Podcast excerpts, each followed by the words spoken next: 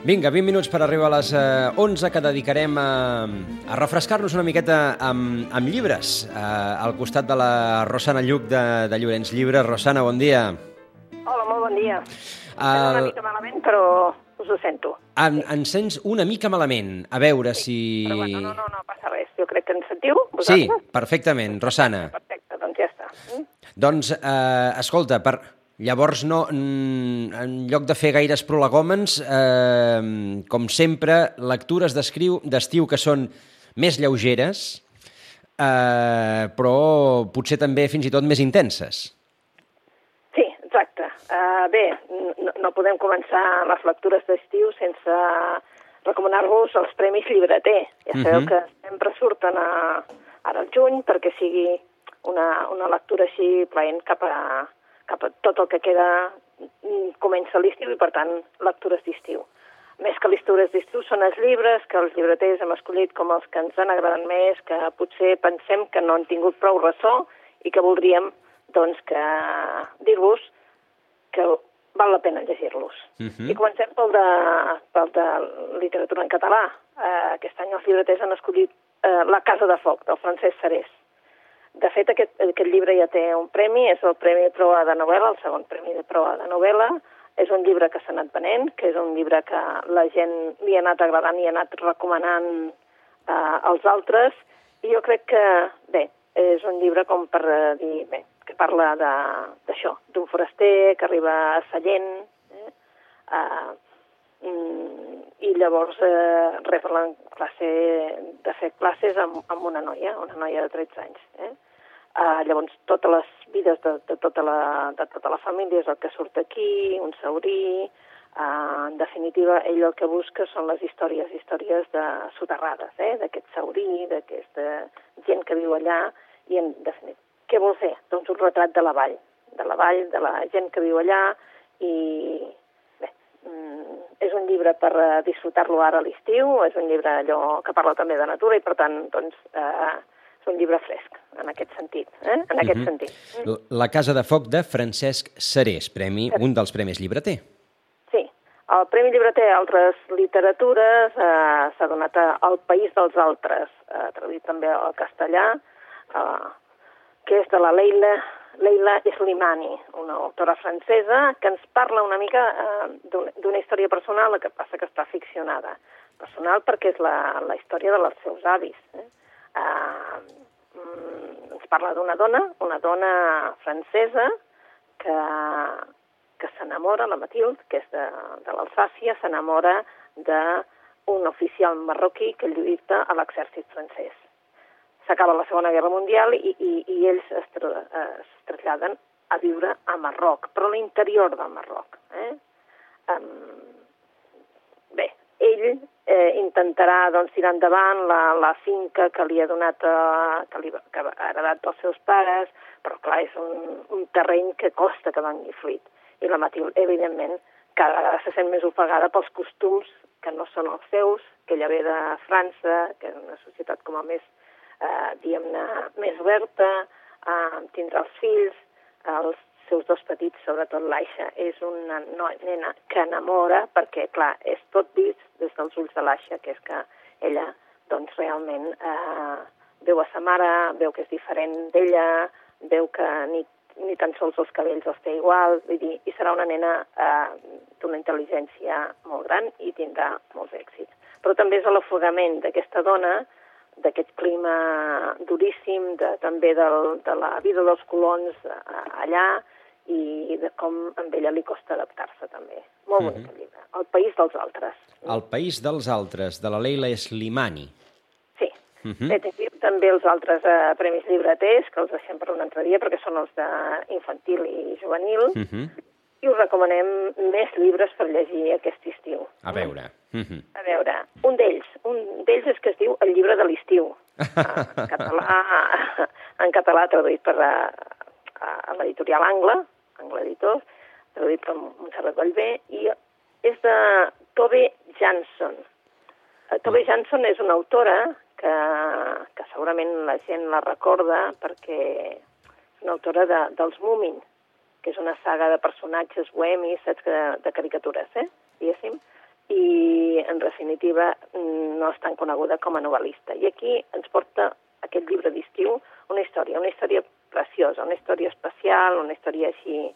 Eh, és una història de, que ens porta a la illa del Golf de Finlàndia per explicar-nos la relació entre una àvia i la seva neta, la Sofia. La Sofia s'ha quedat orfa, vull dir, i per tant viurà ara amb l'àvia. Eh? La seva mare mort i viurà amb l'àvia. I eh, on viuen elles? Pues viuen en un lloc on la natura eh, és la protagonista principal de les seves vides. Eh? Um, és com un estiu d'aprenentatge eh, d'entre àvia i, i neta, no? de relacions, perquè, és clar, per molt que fossin àvia neta, doncs, clar, el fet de viure juntes doncs, els portarà a això, no? A la por a la natura, que té la, la criatura, a l'aigua, a l'aigua profunda, etc i també serà un, un estiu doncs, d'aprenentatge. Eh? Mm, uh mhm. -huh. És preciós, és un llibre d'aquells bonics, saps? Aquells llibres d'estiu, i per això es diu també, suposo que ella li va posar el llibre de l'estiu, perquè és un estiu on elles es troben. D'acord, doncs eh, el llibre de, de l'estiu de la Tove Jansson, una altra de les, eh, de les recomanacions per, per passar aquest estiu a la fresca amb una bona lectura. Què més?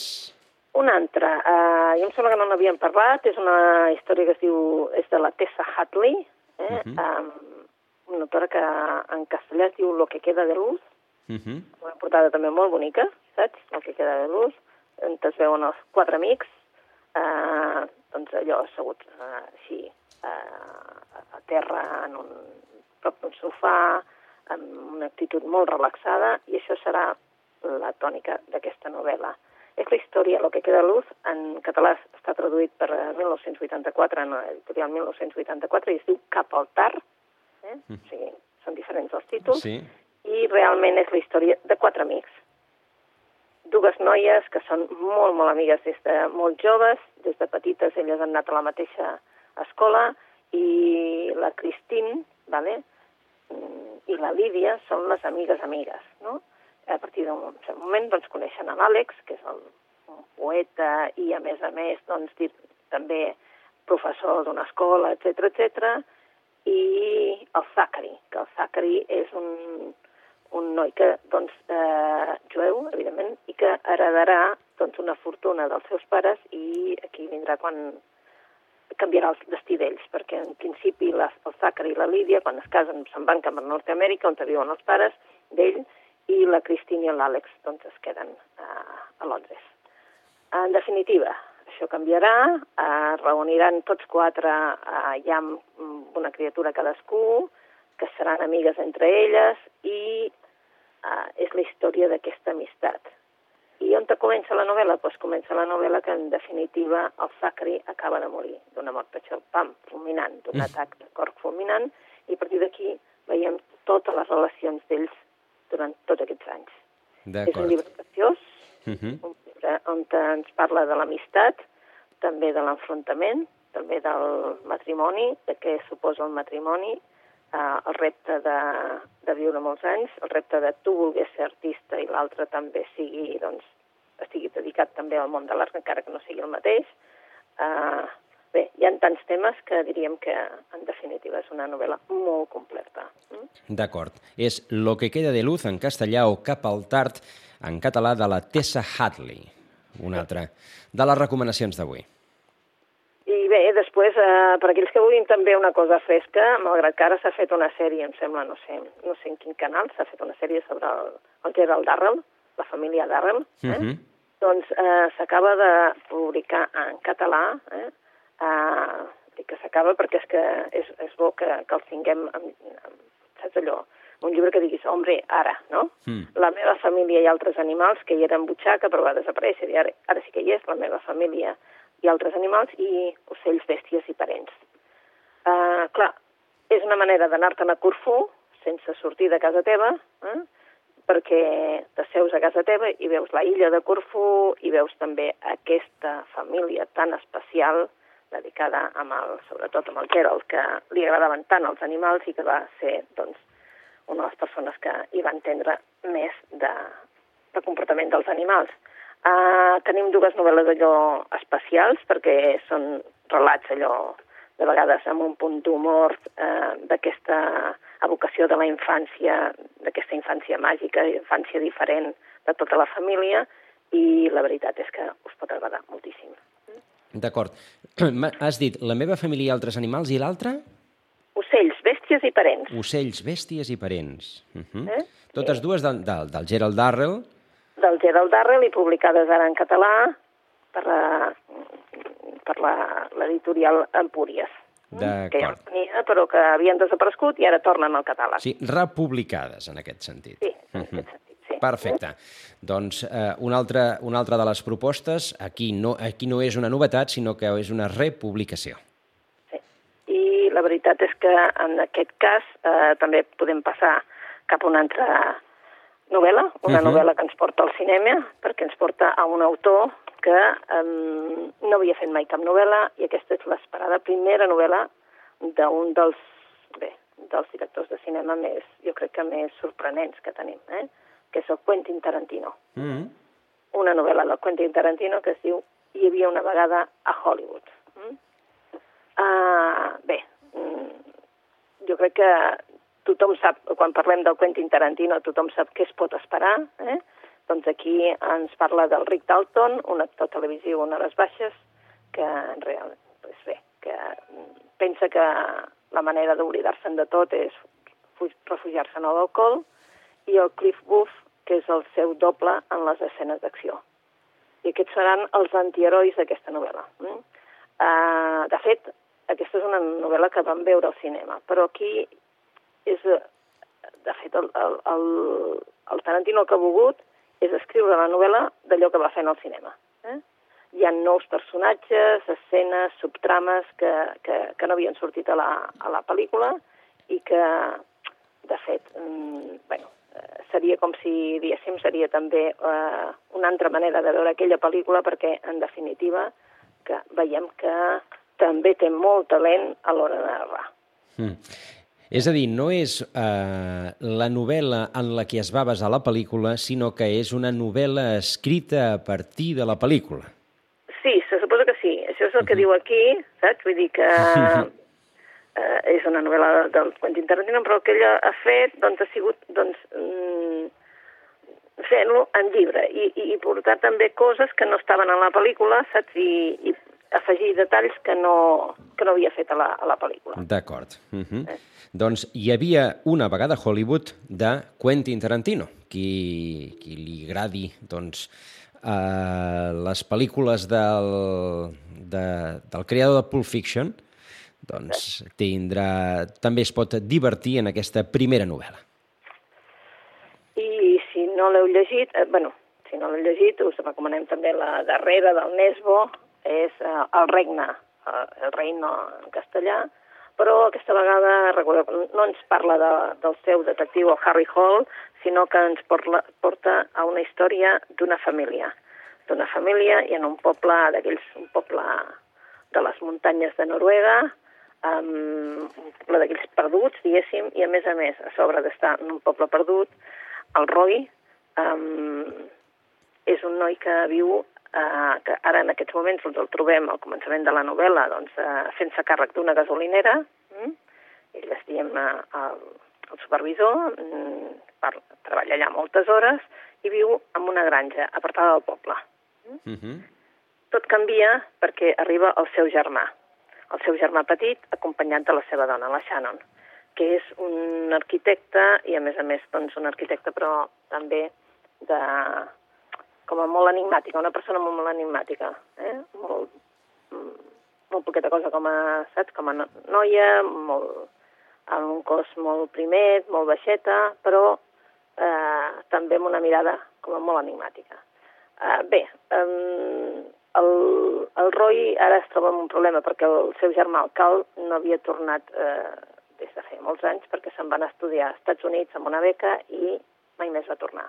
Els pares van morir en un accident, que és el que s'explica en la novel·la, i a partir d'aquí aquest accident va canviar, evidentment, les seves vides. Uh -huh.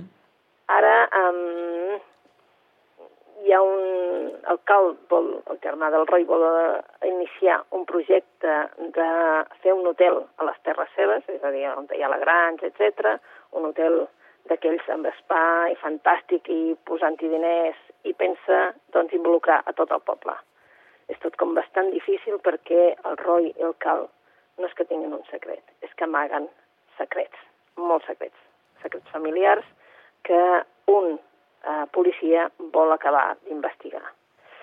Eh, és un thriller d'aquells de complex perquè és una tragèdia, una tragèdia que passen ells, la passen de petits, després de més joves, i veiem que, que ens parla més enllà d'una novel·la policíaca, hi ha una novel·la també de sentiments, una novel·la de,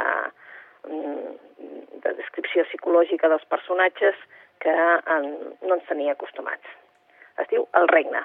Uh -huh. El regne, el reino en, eh, en castellà, de Joe Nesbo, eh, que és una altra de les, de les recomanacions d'estiu, eh, aquesta acabada de sortir també, eh, que, ens, que ens deixa la, la Rosa. Em sembla que encara tenim res. Si, si anem ràpid encara tenim temps per fer una recomanació més. Una recomanació més. Doncs mira, eh, tenim una recomanació de Fran Lebowitz. Eh? Uh -huh. um, és un és una novel·la que la veritat és que, perdona, no és una novel·la, és un llibre, perdona, que eh, és, és on estan reunits doncs, els seus comentaris. Eh? Eh, la Fran Lebowitz és una dona provocadora, eh? Mm, d'aquelles que eh, diu el que vol en el moment que vol. Eh? Eh, de què ens parla aquí? Doncs de moltíssimes coses, de moltíssimes coses, des de lo difícil que és buscar un apartament, a Nova York, um, què fas amb les factures del telèfon que no has pagat, d'un viatge, de lo que és una assignatura de llibres en una, en una gran superfície, um, què passa si el, tu el que t'agrada és dormir a hores indecents, vull dir, uh, tot allò que us pugueu imaginar, doncs, uh, fins i tot, evidentment, uh, doncs, això, no? eh, a prendre's una copa amb gent que mai te la podries prendre perquè són d'aquella gent tan coneguda. Uh mhm. -huh. eh, es parlen de York, de Nova York, Nova York, i, i la veritat és que és una gran desconeguda a l'hora d'escriure, però que realment, si, si us hi acosteu, us passareu molt bona estona perquè és molt divertida. Quin és el títol del llibre? El títol del llibre és Un dia qualquiera en Nova York. Un dia Aquest. qualquiera en Nova York. Aquest sí que només hi és en castellà. Uh mhm. -huh. Perfecte, doncs les, les recomanacions de la, de la Rosana d'avui. Dos del Premi Llibreter, La Casa de Foc de Francesc Serés i El País dels Altres de Laila Slimani, de Leia Slimani.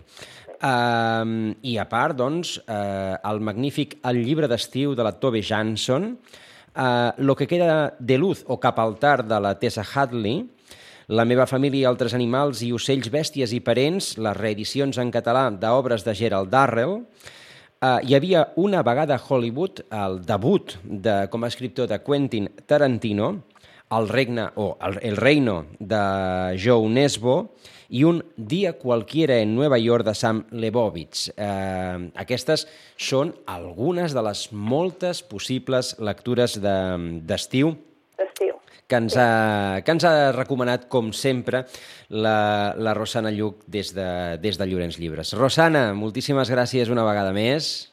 Moltes gràcies a vosaltres. I, I bona lectura. Bona lectura. Doncs això, amb llibres, amb lectura, amb pau, amb, amb aquesta fresqueta bona que diuen que s'acabarà el cap de setmana, on tornarà la calor intensa, i amb, i això, i amb bones sensacions. Eh, volem acabar uh, un dia més agraint-los, com sempre, l'atenció. Que passin un molt bon dia i fins demà a les 9.